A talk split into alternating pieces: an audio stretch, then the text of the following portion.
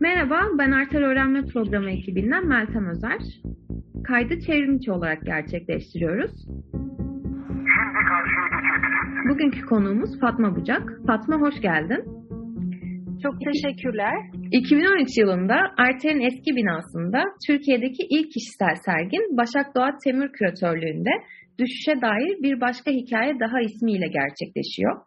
Bu sergide genel olarak pratiğinde de rastladığımız cinsiyet ve kimlik temelli ayrımcılığı mesele edinerek erkeği kadından üstün olarak konumlayan yaratılış mitlerine referans verdiğin yapıtlarla karşılaşıyoruz. Yaratılış mitleriyle, mitolojik öykülerle pratiğinde kurduğun bağ dair neler söyleyebilirsin? Aa, teşekkürler Meltem.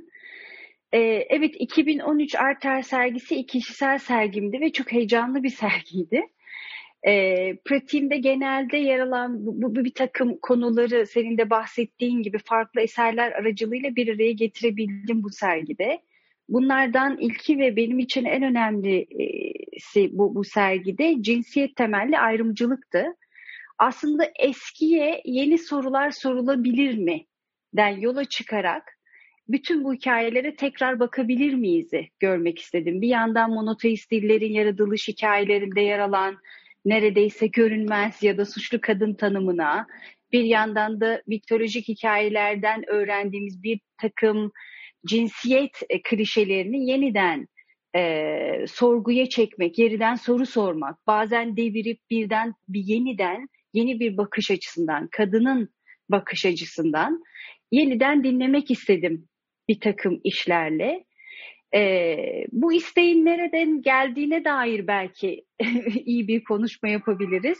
Türkiye'de kadın olmak zor. Ben Türkiye'de yetiştim ve bir kadın olarak e, hakikaten çok zorlandım.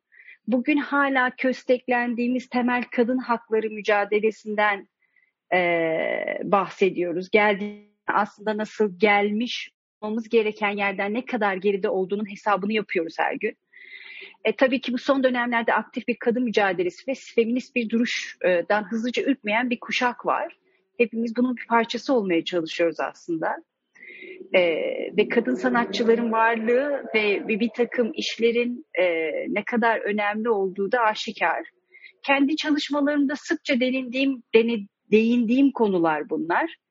E, belki de Adem'i Havva'dan okumak gerektiğine dair bir bir bir e, bir e, bir şeyin altını çizmeye çalışıyorum. Eksik bulduğum ve yerinde yerine farklı yöntemlerle korumaya çalıştığım bazı hikayeler yazmaya çalıştım. O anlamda yaratılış mitleri ve mitolojik öykülere e, paralel hikayeler kurmaya çalıştım sanırım.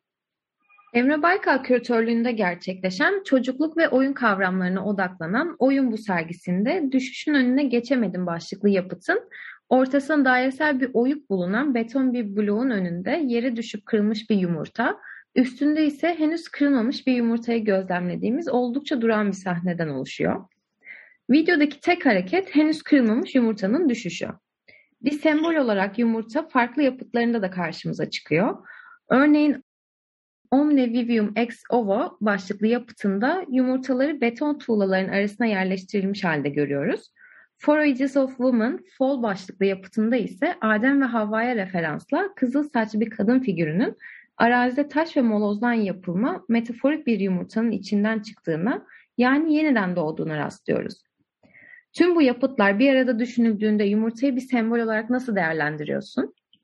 Büyük bir büyük bir sembol. İçinde birçok katmanın olduğu bir e, bir imge aslına bakarsan. Yumurta sadece bir doğuş yaşam ya da rahim sembolü değil yaşamın ta kendisi benim için. İmgesinde tanımını besleyen bir form bir şey. Ee, sanat tarihinde farklı farklı anlamlarıyla önceye şimdiye ya da geleceğe dair bir nesne olarak gördük e, pürüzsüzlüğü, mükemmelliği sanat tarihinin çekici bir formu haline getirdi. Bizi fevkaladeye neredeyse düşlemeye zorladı. E, neredeyse fevkaladenin ne olduğunu gördüğümüz bir form bu. Bir yandan da kırılgan bir form. E, bu kırılganlığıyla aslına bakarsan bence günümüze bağladı. e, hepimizi. Yani bir yandan bu fevkaladeyi düşlerken aslında bakarken ne kadar da kırılgan olduğu ve toparlanmasının ne kadar zor olduğunu gördüğümüz bir bir şey var. Bu sebeplerle e, yaşamın ta kendisi olarak tanımladığım bu formu bazen kırılganlığıyla, bazen de mükemmelliğiyle işlerimde sıkça kullanmaya e, aslına bakarsan 2012'de başladım. E, daha sonrasında ironik bir e, dile döndü bu, bu e, sergideki işle. E, evet benim için çok önemli bir bir bir form. Tam kendi, kendi tanımını besleyen bir form.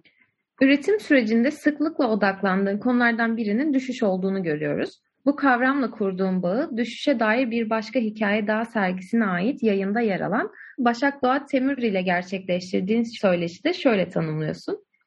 Farklı anlamlarıyla benim için önemli bir araştırma alanı. Yakın geçmişteki bugünkü düşüşlerimizi görmek için ta en başa ilk insanın yaratılış hikayesine döndüm. Bunun üzerine çalıştım. İşlerimde sorguladığım her türlü düşüşün bir parçası olan o meseleden başlayarak. Düşüşle kurduğun sanatsal bağ dair araştırma ve üretim süreçlerin zaman içerisinde nasıl bir değişim geçirdi? Düşüş oldukça yoğun bir e, tema benim için. E, sanırım kalkmaya çalıştıkça daha da düştüğümüz bir dönem. Düşüşün neredeyse gündelik metaforumuz haline geldiği. Bir yandan morallerimizi bozarken bir yandan da sanırım ister istemez bizi motive eden bir, bir konu. E, düşüşü anlamaya daha da düşüşün anlamı işlerimde daha da genişledi, dallandı, budaklandı. Sanırım e, farklı noktalardaki fikirlere değmeye başladı. Farklı noktalardaki fikirlerle örtüşmeye başladı. Düştükçe kalkma zorunluluğu ve güçsüz hissetmeye rağmen yeniden ye- yeşermeyi neredeyse zorladı işlerimde. Ee, bu da farklı hikayeleri, düşmüş, kaybolmuş olan hikayeleri yeniden aramama, yer bulmaya e, itti beni. Bellek düşüşün bir parçası oldu. Neredeyse antidotu. Bellek sıkça düşündüğüm konulardan biri düşüşün bir parçası oldu. Tekelden tarih yazdığım yazılan bu dönemde aslında belki de yalanlardan arındırarak toplumsal belleği oluşturmak, arşivlemek hepimiz için önemli oldu. E, bu anlamda peyzaja da farklı şekilde bakmaya başladım. Sanki içindeki bilgi kırıntılarını takip ede ede bir şeye ulaşmak gibi bazı toprak parçalarına parçalarında daha sık çalışmaya başladım. Tarihsel düşüşlerin belleği, bugünün yarını, dünün de bugün için önemli, tekrar tekrar kalkma gücümüz için önemli olduğu bir düşüş temasını e, işlerimde daha sık görmeye başladım. Düşüş toprak oldu, iklim değişikliği oldu, savaş, sınır, siyasi şiddet oldu. Liste aslına bakarsan uzadıkça uzadı. Yaşadığımız dönemin, yaşadığımız politik ortamın, debelendiği sürecin ve sorunların kırıntılarını zaten her dönemde bir şekilde çalışmalarımızda görünür ya da görünmez bir biçimde işliyoruz. Bu da benim e, beni aslında the Dust Quickly Falls, toz hızlıca düşerken sergisindeki e, düşüşe, oradaki o title'daki, o başlıktaki düşüşe götürüyor. Ekoloji ve düşüşlere yönlendiriyor. Hı hı. E, bu sergide Damaskus Roza adlı Şam güllerini Şam'dan çıkararak farklı ülkelerde aşılayarak yerleştirdiğimiz e, bir çalışmayla başladı. E, bu çalışmada daha çok toprağa, toprağın verimsizliğine ve savaş politikaları ilişkisine ve iklim değişikliği üzerine düşünmeye başladım. E, buradan zehirli bitkiler ve antidotları, verimsiz topraklar ve sesleri, savaşlar ve kaybolan yabani çiçekler, beyaz yangınları ve bütün bunların günümüz politikası ile ilişkisine götürdü beni. E, bütün bu üzerine üzerimize yavaşça düşen, kendi üzerime yavaşça düşmüş olan toz katmanlarını toparlı toparlarcasına farklı ülkelerdeki düşüşlere yöneldim sanırım farklı materyallerden doğmaya çalışan, düşüşüne rağmen kalkmaya çalışan bir doğaya gönderme e, yapan bir birçok çalışma yan yana geldi. Örneğin Bir Ağaç isimli mozaik e, olarak çalıştığımız eser Türkiye'nin güneyinde ve Doğu Anadolu'daki farklı şekillerde ele alınmış olan farklı bölge yangınların 2021 e, yaz yangınlarından topladığımız binlerce materyallerle hazırlanmış e, bir ağaç ortaya çıkarttık. Bu ağacın içerisinde yanmış ağaç gövdeleri, taşlar, hayvan kemikleri, deriler, yanmış bakırlar ve küller kullanıldı. E, ve bütün bu bütün bu işler aslına bakarsan e, ortak bir ortak bir temada, ortak bir düşüşte e, yan yana geliyorlar. Bu anlamda aslında düşüş hiç bırakmadığım, hep üzerine çalıştığım bir konu haline geldi. Pratiğinde kurgu ve gerçeklik arasındaki çizginin sıklıkla bulanıklaştığına rastlıyoruz. Oyun bu sergisinin sanatı hem oyun kurucu hem oyun bozucu olarak ele aldığını da düşününce bölümü kapatırken üretiminde bu yaklaşımlarla kurduğun bağ dair neler söyleyebilirsin?